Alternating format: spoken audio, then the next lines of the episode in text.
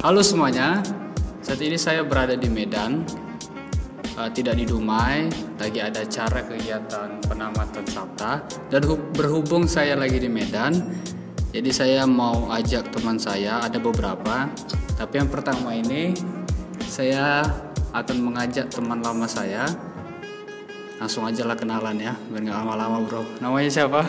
Nama saya Sabam, Sabam nama lengkap Sabam Tarna Simandalahi. Umur 19 tahun, tahun inilah 20 tahun. Eh, ada lagi? ada lagi. Tanggal berapa ulang tahun dia bro? Eh, kasih tahu nggak ya?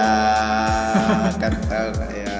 Nantilah, nantilah. Ada kok di notifikasi Facebook. notifikasi Facebook. Oke. Nah, Saat ini kita akan bahas-bahas tentang pelayanan. Jadi sisi pada saat ini adalah top pelayanan. Uh, saya langsung saya tanya kepada si Sabam teman saya ini. Saya ada, kita udah berapa lama nggak jumpa bro? Eh, udah satu tahun, satu tahunan lah. Satu tahunan ya, sekitar satu tahun kita nggak jumpa. Nah, jadi kita jumpa pertama kali baru kenal itu di tahun 2017 di sekolah Alkitab ya. Jadi ada pertanyaan dari aku nih bro. Bagaimana awalnya bisa memilih sekolah Alkitab atau bisa kuliah di sekolah Alkitab? Eh, sebenarnya sih eh, sekolah Alkitab ini tidak menjadi tujuan utama saya ya. Cuman eh, waktu itu karena papa juga sam- eh, orang tua juga adalah seorang hamba Tuhan. eh, sebenarnya dulu pengennya sih mm, sekolah kuliah eh, sekuler. Hmm. Cuman waktu itu papa menyuruh saya untuk eh, kuliah di kuliah pertama di sekolah teologi yang ada di Surabaya, tapi saya tidak tidak cocok. Nah, makanya saya tidak bukan tidak cocok sih sebenarnya tidak mau lah itulah sebenarnya agak melawan lah saya sama orang tua kan. Oh, iya, Nah, ya, jadi itulah sifat-sifat nakal. Jadi saya daripada itu lebih bagus saya memilih jalan tengah sekolah kita cuman itulah ada tujuan Tuhan yang lain dimulai saya diantar Tuhan ke sekolah kita Oh, berarti kita harus tahu dulu, berarti bro ini eh, dari keluarga pendeta ya? Iya. Anak pendeta. Oh, berarti ada kerinduan orang tua untuk melanjutkan pelayanan. iya betul Lebih-lebih kurang-kurang gitu. nah lebih lebih kurang kurang kurang kurang lebih lebih Oke, pertanyaan selanjutnya bro. Ketika masuk ke Sabta nih, ya kan? Udah ada kenalan atau belum? Eh, kalau di Sabtu ini sebenarnya tidak ada kenalan. Oh, teman baru semuanya. teman baru semua. Asli murni pure teman baru. Gimana sih respon Eh, pertama sekali? pasti sebagai anak baru? pasti dengan keadaan yang baru pasti juga kita harus beradaptasi dengan teman-teman sekitar kita. Beradaptasi bagaimana eh, cara mereka karena kan kebiasaan yang lama kita tidak mungkin kita bawa pada saat kita juga ada berada di tempat yang lain khususnya apalagi dalam sekolah kitab dalam bimbingan sekolah kitab itu saja Oke, sih kita bicara sekarang spesifik kepada sekolah kitabnya, ya kan? Bagaimana perasaanmu ketika uh, belajar di Sabta? Eh, belajar di Sabta eh, sebenarnya bagi saya sih mengasihkan cuman ada satu bahwa sekolah Alkitab ini membentuk menjadi seorang hamba Tuhan ya. Hamba Tuhan bukan hanya sekedar sebagai yang dikenal sebagai sekolah Alkitab tapi hati dan pribadi itu dituntut menjadi seorang hamba Tuhan. Nah, eh, itu yang saya dapat. Sehingga dosen-dosen di sini sangat gigih dalam mengajar Ketika baru pertama kali ini belajar, tentu yang kita pelajari banyak tentang Alkitab, firman Tuhan begitu. Ketika baru sekali atau dalam seminggu atau dua minggu pertama sekali di awal-awal mulai belajar gimana perasaan apakah gimana ya mungkin awal-awal cepat lelah mungkin ngantuk mungkin di jam-jam berapa gitu atau Iya. jam berapa Oh, oh. gitu Kadang-kadang gitu pagi-pagi padahal udah siap sarapan pagi belajar itu udah ngantuk. Itu minggu pertama, minggu kedua. minggu ketiga minggu keempat minggu kelima udah mulai terbiasa baru selanjutnya minggu keenam pengen lari iya Oh, pengen, eh, pengen pengen lari iya karena eh, karena saya berpikir dulu bahwa sekolah Alkitab itu ha- hanya ya belajar Alkitab Ya. rupanya hamba-hamba Tuhan atau dosen yang mengajar itu mereka mempunyai pandangan yang berbeda tentang sekolah Alkitab. Makanya waktu itu saya berpandangan mau pengen lari gitu. Oh, cuman tidak bisa bu- bukan tidak bisa bukan seperti terpenjara enggak. Tapi dari situlah saya mengerti. Dan juga saya mengerti bahwa waktu saya sebelum lahir orang tua saya bernazar bahwa eh, jika mempunyai anak akan diberikan kepada Tuhan di situlah lahir saya makanya saya juga mengerti oh terima kasih Tuhan oke. Ketika mau lari nih bro, apakah mungkin di di beberapa pelajaran itu ada pelajaran yang sepertinya susah awalnya, kadang buat mumet uh, pemikiran ini beda dari pelajaran lainnya. Apakah ada karena satu pelajaran?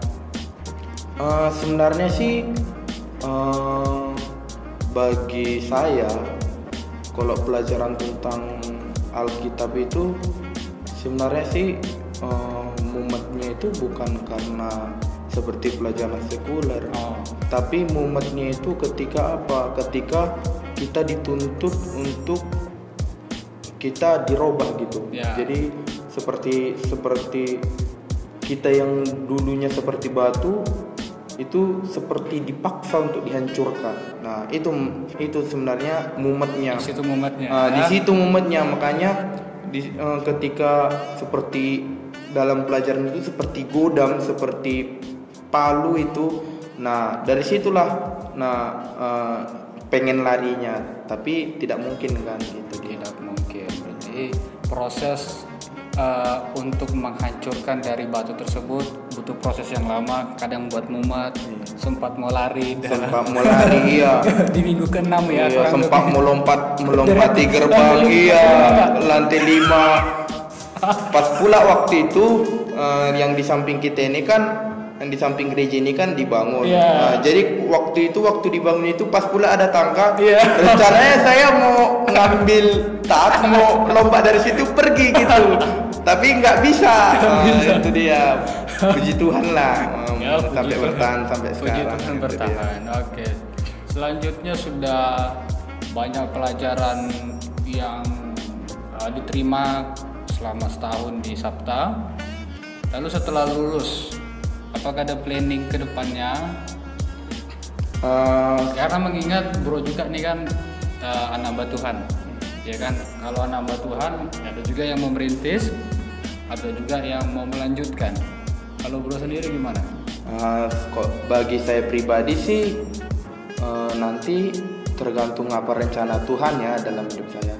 Cuman memang orang tua merindukan ya saya untuk melanjutkan pelayanan. Nah, saya pun sebenarnya juga begitu karena uh, biar uh, saya anak hamba Tuhan karena saya juga merasakan bagaimana perintisan orang tua dulu. Nah, bagaimana perintisan? Makanya ya saya juga merindukan uh, melanjutkan pelayanan. Cuman saya tidak tahu nanti apa rencana Tuhan. Nanti kalau saya kuliah kalau Tuhan uh, mau pelayanan untuk melanjutkan pelayanan orang tua ya ya puji Tuhan. Kalau dibilang untuk merintis kembali ya puji Tuhan. Bagi saya itu yang penting ya kerjakan apa yang menjadi Tuhan mau itu saja Kalau boleh tahu pelayanan sekarang ada di mana? Ah, daerah di mana? Daerah mana? Eh, kalau pelayanan Orang tua. orang tua itu di daerah Manduamas ya. Kalau Manduamas itu daerah Barus, tapi kita ke kampungnya lagi itu perbatasan antara Aceh Singkil sama Sumatera Utara. Jadi itu eh, di desa, desanya lagi, bukan? Eh, enggak sih, Enggak terlalu udah- desa ya? Enggak, enggak terlalu desa kali. terlalu desa kali ya? Makanya enggak terlalu deso. enggak terlalu deso dia. Udah aspal bro? Udah Oh, aspal. udah aspal, udah aman, aspal. ya. Biarpun sawit-sawit. Punya sawit nih. Iya. Oke, berarti eh, tergantung tuntunan Tuhan juga. Jadi tidak ada masalah mau melanjutkan pelayanan orang tua ataupun merintis, Iya. iya kan? Iya. Lalu di di sabda tersebut ada nggak pelajaran yang membuat mungkin apa ya eh, ketika baru diterima tuh menjadi oke banget gitu bagimu? Ada. Eh, dan pelajaran itu adalah pengajaran tabernakal itu sendiri bagi saya. Soalnya orang tua saya biarpun tidak di gereja Pentakosta Tabernakel ya gerejanya di mana? Eh, gerejanya gerejanya eh, organisasinya GKKI ya gereja gereja Kristen Kudus Indonesia. Cuman orang tua tetap eh, mengajarkan pengajaran tabernakel.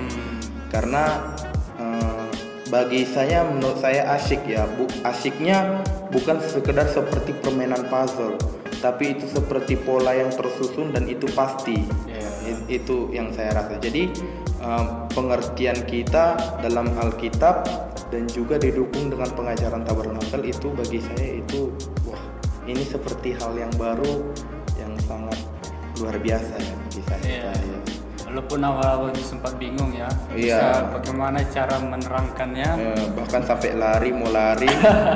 Itu itu itu itu adalah pengalaman yang wah itu biarpun udah kopi kental dibuat tapi tetap masih ngantuk. Ya.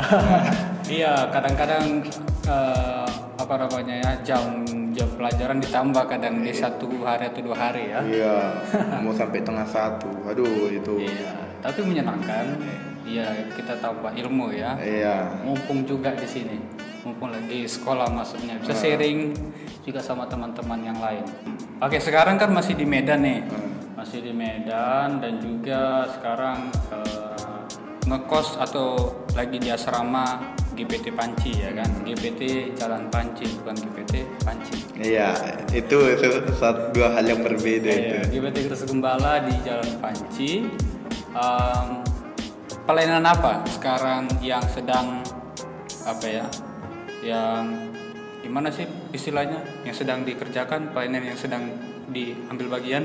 Oh iya eh, saya eh, mengambil bagian pertama itu saya pelayanan tim musik. Alat musik? Iya, instrumen di apa bro Eh, piano piano. bass sama saxophone. Banyak kali bro ya.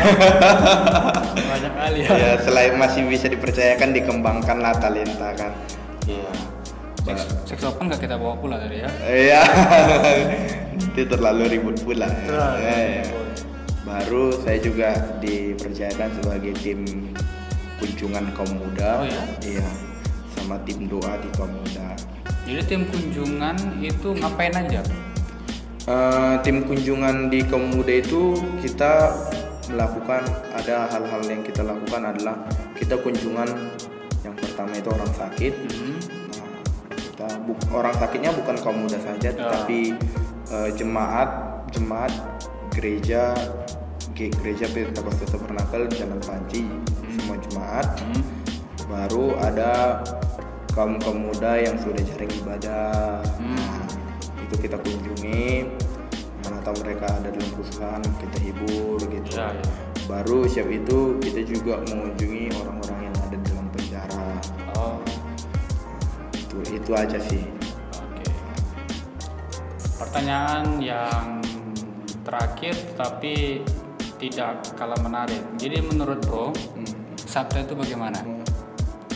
menarik ya bagi saya Eh, menarik menariknya adalah ketika kita belajar memahami Alkitab dengan sesuatu hal yang berbeda Hmm. Nah, tetapi hal yang berbedanya itu bukan sesuatu hal yang lari yang menyimpang gitu Oke. tapi memahami Alkitab itu dengan Alkitab sendiri. Nah, jadi kita dapat memahami Alkitab dengan lebih detail lagi. Jadi cara pola pikir kita memahami Alkitab bisa berbeda dengan orang lain. Menurut saya, karena apa? Eh, seperti seperti tapi tidak tahu ya bagi gereja lain. Cuman bagi saya taberna, eh, bagi saya tabernakel itu kalau seperti oh, kakek saya bilang seperti peraturan sorga.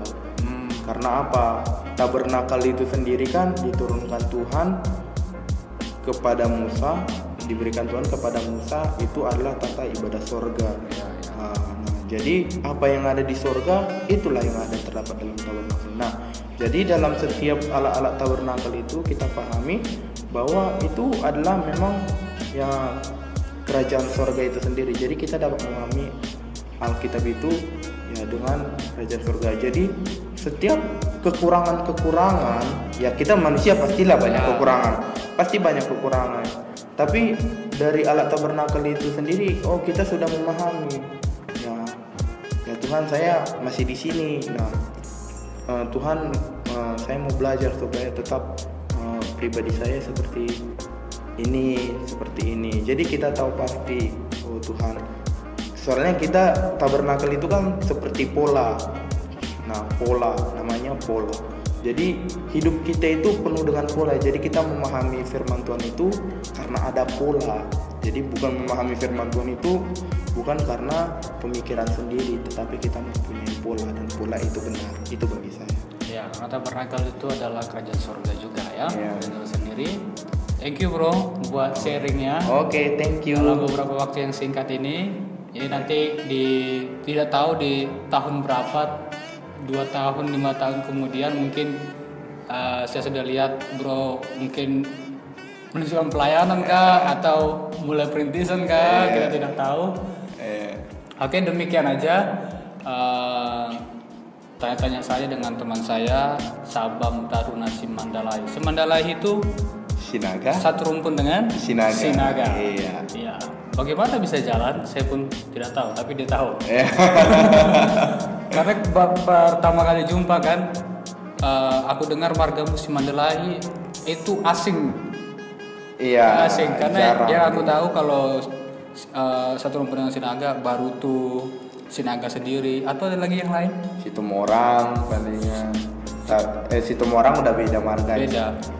Ya, aku baru tahu si Mandalay itu satu rumpun dengan Sinaga. Tapi itulah, itu namanya apa ya? Tutur atau budaya? dia seperti iya seperti tutur bisa Orang orang Batak, punya tutur orang Batak. iya Iya, jadi kita ini kalau satu marga dalam Batak apa katanya? Apara ya? apara Dengan tubuh. bisa jadi Eh, iya tubuh. pas betul Iya. Thank you semuanya udah menonton video ini. Sebentar lagi ataupun besok nggak tahu kapan nanti saya akan tanya-tanya kepada teman-teman yang lain yang sudah pernah sekolah di Sabta, pengalaman mereka dan juga nanti ada anak yang anak-anak baru yang baru lulus di angkatan ini. Sabam angkatan keempat Sabta kami Medan. Thank you. God bless. God bless